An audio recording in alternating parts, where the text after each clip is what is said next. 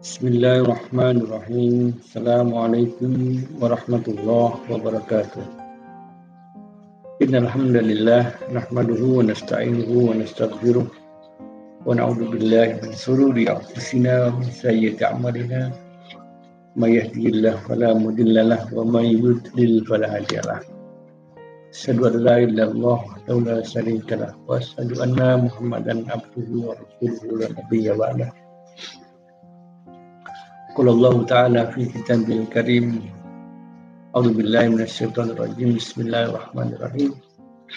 Inna Allah la yughayyiru ma biqaumin hatta yughayyiru ma bi anfusihim al-ayah Surat Ar-Ra'd ayat 11 Saudara sekalian yang dimuliakan oleh Allah Subhanahu wa taala, kita alhamdulillah bertemu kembali dalam kajian Islam yang masih di bulan Ramadan di penghujung bulan Ramadan 1441 Hijriah. Puji syukur kita masih bisa diberi waktu untuk menuntaskan puasa kita di bulan Ramadan ini. Sungguh sebentar lagi akan meninggalkan kita bulan Ramadan. Uh, uh, Nabi SAW pernah mengatakan bahwa seandainya umatku tahu berapa, betapa mulianya kenikmatan yang ada di bulan Ramadan, maka uh, kalian akan meminta seluruh tahun itu bulan Ramadan. Ya, uh, tentu Rasulullah SAW mengetahui uh, diberitahu oleh Allah Subhanahu tentang kemuliaan ya keutamaan bulan Ramadan. Ya, kita yang tidak tidak memahami ya. Kita hanya uh, apa namanya sebatas apa yang disampaikan oleh uh, Allah melalui firman-Nya dan juga Rasulullah melalui sabdanya. Ya dan dan uh, dengan pengetahuan kita ternyata banyak manusia yang masih mengabaikan bulan Ramadan ataupun kita masih belum optimal dalam mengisi uh, amal ibadah di bulan Ramadan. Ya, dan mungkin ada se, sebersit uh, apa namanya kebahagiaan ya. Wah sebentar lagi Ramadan selesai. Nggak usah puasa lagi ya. Bisa menahan uh, lapar dan dahaga lagi ya. Nah, jadi kita tidak memahami uh, dan dan saya kira itu manusiawi ya dan dan uh, kita hanya perlu memupuk ya. kita hanya perlu uh, mengikis perasaan atau pendapat ataupun sikap yang demikian dan kemudian uh, dengan sepenuh hati kita kembalikan kepada uh, ajaran Nabi, kepada perintah Allah dan menjauhi larangannya supaya setelah Ramadan kita tetap bisa istiqomah. Kita teruskan amalan-amalan perbuatan di bulan puasa uh, dan itu yang akan bisa menjaga kita untuk tidak uh, tergelincir lagi dalam kemaksiatan.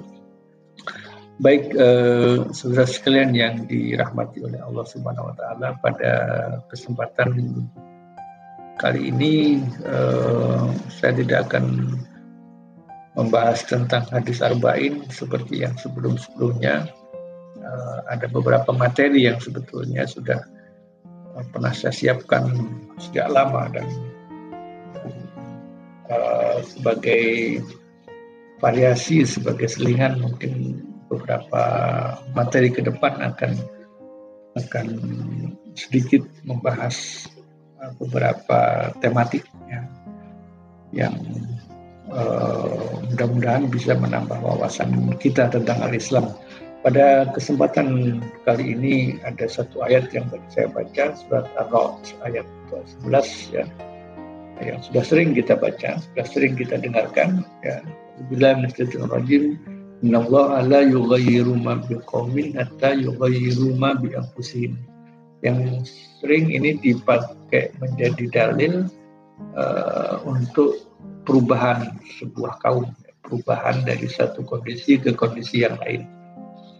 Ya, dan uh, perubahan itu akan bisa terjadi ketika uh, komunitas atau atau kaum itu mengawali perubahan ya, dengan dengan merubah pola uh, tindakan ya, merubah pola pikir dan pola tindakan. Jadi kemudian uh, kaum itu secara komunal akan ada perubahan juga.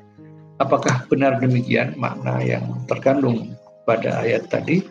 Eh, kita akan coba bahas eh, beberapa pendapat dan beberapa tafsir yang tentu uh, ini di di, di, di apa dianalisis atau disampaikan oleh para ahli tafsir. Ya, saya hanya membacakan dan kemudian kita belajar bersama uh, tentang apa pendapat para ulama tafsir tentang ayat tadi. Uh, Saudara sekalian, ayat Al-Quran kadang menafsirkan ayat lain yang kurang jelas. Ya, jadi uh, kalau kita baca Al-Quran maka banyak ayat yang yang berhubungan. Ya, satu ayat menjelaskan ayat yang lain, ya, atau ayat yang memang ada yang berdiri sendiri.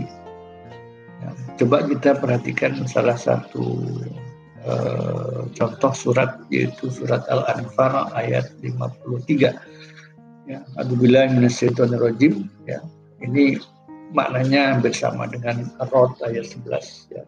Zalika bi anna Allah lam yanku mughayyiran ni'matan an'amaha ala qaumin hatta yughayyiru ma bi anfusihim wa anna Allah sami'un alim. Yang demikian itu ya ini membahas tentang siksa Allah. Jadi siksa Allah adalah karena sesungguhnya Allah sekali-kali tidak akan merubah suatu nikmat yang telah dianugerahkan kepada suatu kaum hingga kaum itu merubah apa yang ada pada diri mereka sendiri dengan berbuat maksiat. Ya, jadi awalnya suatu kaum itu mendapatkan nikmat, ya kemudian uh, kaum itu merubahnya. Ya, tadinya dalam ketaatan, kemudian dalam kemaksiatan. Ya, maka Allah menimpakan siksa kepada kaum tadi. Ya, artinya dalam konteks ini uh, perubahan itu dikaitkan dengan uh, apa namanya ketaatan dan kemaksiatan.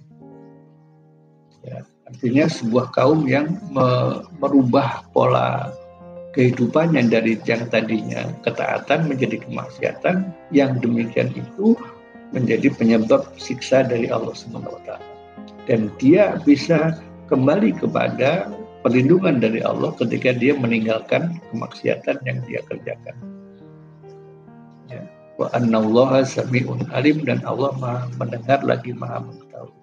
Jadi satu hal yang bisa kita ambil dari ayat ini yang menjelaskan surat Ar-Ra'd ayat 11 bahwasanya kaitannya dengan uh, perbuatan ketaatan dan kemaksiatan. Uh, saya coba akan bacakan uh, ayat lengkapnya ya. Surat Ar-Ra'd ayat 11 Alhamdulillah lahu muaqibatun min baini yadayhi wa min khalfihi yahfazunahu min amrillah. Inna Allah la yughayyiru ma biqaumin hatta yughayyiru ma bi anfusihim wa idza arada Allah biqaumin su'an fala lahu wa ma lahu min dunihi biwal.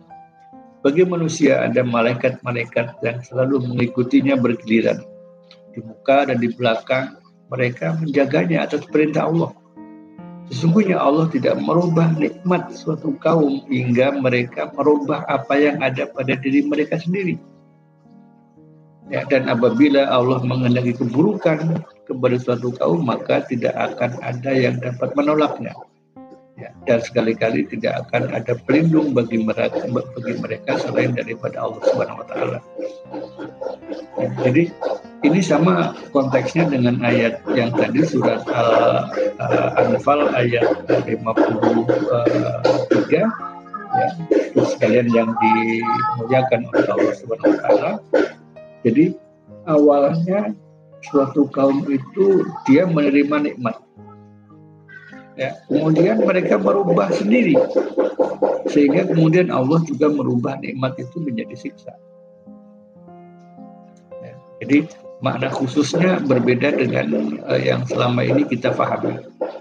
Ya, jadi uh, uh, uh, makna umumnya memang mungkin masih bisa diterima, tetapi makna khusus dari ayat tadi adalah terkait dengan ketaatan dan kemaksiatan. Sehingga saudara sekalian yang dirahmati oleh Allah Subhanahu wa taala, kita bisa me mengambil beberapa pelajaran dari ayat tadi ya. Yang pertama, apa penyebab hilangnya nikmat? Nah, karena tadi ayat karena ayat tadi berkaitan dengan dicabutnya nikmat karena mereka merubah kebiasaan dari awalnya ketaatan menjadi kemaksiatan. Ya, jadi dari ayat tadi bisa disimpulkan bahwa uh, nikmat bisa berubah menjadi azab atau bencana ketika ya, umat mulai melakukan perbuatan maksiat dan dosa. Ya, atau kemudian uh, umat menisbatkan atau me mengingkari nikmat Allah. Jadi mereka me me merasa bahwa kesuksesan atau kemakmuran yang mereka peroleh itu adalah dari perbuatan mereka sendiri, upaya kerja keras mereka sendiri. Yang ketiga, kita mempunyai uh, sifat percaya diri yang berlebihan. Ada kesombongan di sana. Ya, sombong bahwa dia yang bisa satu-satunya uh, mencapai kesuksesan, mencapai keberhasilan memiliki harta yang banyak, berilmu, ya, berkedudukan yang tinggi. Ya, jadi kesombongan akan bisa menyebabkan uh, nikmat berubah menjadi bencana. Yang terakhir, apabila kita tidak memenuhi hak Allah atas nikmat tersebut, ya kita tidak bersyukur. La in syakartum la azidannakum ketika engkau bersyukur atas nikmatku maka Allah akan menambah nikmat wala kafartum dan ketika kalian mengingkari ya, tidak memenuhi hak atas nikmat ya, atau mengingkari ya sungguhnya azab Allah sangatlah pedih. Ya jadi uh, jelas ya bahwa tadinya uh, Allah menjanjikan akan ditambahkan kenikmatannya tapi ketika dia mengingkari maka itu diubah oleh Allah menjadi uh, azab jadi uh, itu makna makna atau apa namanya hikmah yang pertama dari ayat yang kita baca di awal. Ya, kemudian eh, yang kedua adalah bahwa ternyata dosa ya, yang atau kemaksiatan itu menghalangi rezeki. Ya, pada pembahasan hadis arba'in ke-27 kalau tidak salah, itu bahaya-bahaya dosa adalah salah satunya dihambatnya rezeki. Ya, tadi diceritakan dalam surat Ar-Ra'd tadi bahwa tadinya kaum itu uh, mendapatkan nikmat. Ya, tapi karena mereka bermaksiat, maka terhalang nikmat itu, terhalang rezeki dan berubah menjadi sebuah azab. Ya, Rasulullah SAW bersabda dalam sebuah hadis sahih diriwayatkan oleh Ibnu Majah bahwa uh, artinya tidak dapat menambah usia kecuali kebaikan, tidak bisa menolak ketentuan kecuali doa, kecuali doa. Sesungguhnya seorang manusia kerap terhalang dari rezeki disebabkan oleh dosa yang dilakukannya. Wa inna rojula la yuhramu rizqo bidambi yusibuhu. Sesungguhnya seorang manusia kerap terhalang rezekinya karena dosa yang dilakukannya. Sebaliknya, saudara yang dirahmati oleh Allah, ketika dosa menghalangi rezeki, maka takwa akan menambah rezeki, akan menambah nikmat. Ya, seperti di surat At-Tolak ayat 2 sampai 4 ya uh, sudah pernah kita baca ini pada kajian Nabi Sarba'in yang awal ya. Alhamdulillah min rajim wa may yattaqillah yaj'al lahu makhrajan wa yarzuqhu min haitsu la yahtasib wa may yattaqillah yaj'al lahu min amri amrihi yusron. Yang barang siapa yang bertakwa kepada Allah, maka Allah akan uh, mengadakan bagi orang tersebut jalan keluar dari masalahnya. Allah juga akan memberi rezeki dari arah yang tiada disangka-sangkanya dan Allah juga akan memberikan kecukupan, memberikan kemudahan dalam urusannya. Ya, bin amrihi yusron ya dalam setiap urusannya diberikan kemudahan. Itu tadi pada tingkatan individu ya. Jadi tadi adalah amal-amal individu yang bisa mengundang dosa dan uh, siksa kemudian juga ketakwaan yang bisa mengundang atau menghasilkan rizki. Pada tingkatan umat sama saja. Pada tingkatan umat bahwasanya ketika umat e, bersepakat untuk berbuat kebajikan, ya maka Allah juga akan memberikan e, kenikmatan kepada umat tersebut. Dan sebaliknya ketika e, umat berbuat kemaksiatan secara bersama-sama, ya, maka Allah akan juga menurunkan siksaan. Ya, dan peliharalah dirimu dari siksaan yang tidak khusus menimpa orang-orang zalim saja. Ya, dan ketahuilah bahwasanya Allah amat keras siksanya. Quran surat uh, eh, 8 ayat 24 dan 25. Baik, uh, saudara sekalian yang dirahmati oleh Allah Subhanahu wa taala, uh, bisa disimpulkan bahwa surat Ar-Ra ayat 11 tadi uh, berisi bahwa Allah itu maha adil. Ya, jadi Allah maha adil dalam hal bahwasanya uh, makhluknya akan menerima sesuai dengan apa yang dikerjakan. Ya, Allah tidak akan memberikan hukuman tanpa ada dosa dan Allah tidak akan me menghalangi e, nikmat ketika umat e, berbuat kebajikan. Ya, dan kemaksiatan menjadi penyebab dicabutnya nikmat, ya sebagaimana juga ketaatan menjadi penyebab ya, tetap diberikannya nikmat. Dan yang yang terakhir kesimpulan dari ayat tadi adalah bahwa musibah dan terjabutnya nikmat bisa saja terjadi karena uh, kemaksiatan orang lain yang tidak di, dihentikan, ya, di, dibiarkan. Jadi ada pembiaran kemaksiatan di kalangan umat. Ya, tidak ada dakwah, tidak ada amar ma'ruf nahi mungkar. Maka itu menjadi penyebab uh, apa namanya uh, siksa yang di timpakan kepada seluruh umat yang, yang akan menimpa bukan hanya saja kepada orang-orang yang berbuat zalim tapi juga kepada uh, manusia secara keseluruhan. Baik eh, saudara-saudara sekalian yang dirahmati oleh Allah Subhanahu wa taala, uh, mudah-mudahan apa yang tadi saya sampaikan bisa bermanfaat ya tentu buat saya sendiri menambah Uh, ilmu dan mengingatkan kita akan akan pentingnya istiqomah yang menjaga ketaatan yang itu akan bisa menambah manfaat, yang menambah nikmat yang diberikan kepada Allah. Yang sebaliknya kita diberi kekuatan untuk menghindari kemaksiatan karena itu akan mendatangkan uh, azab dari Allah Subhanahu wa taala.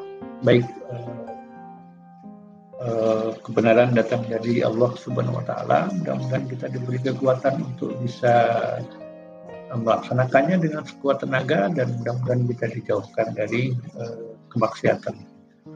Kita tutup dengan doa penutup majelis subhanaka Allahumma wa bihamdik asyhadu an la ilaha illa anta astaghfiruka wa atubu ilaik.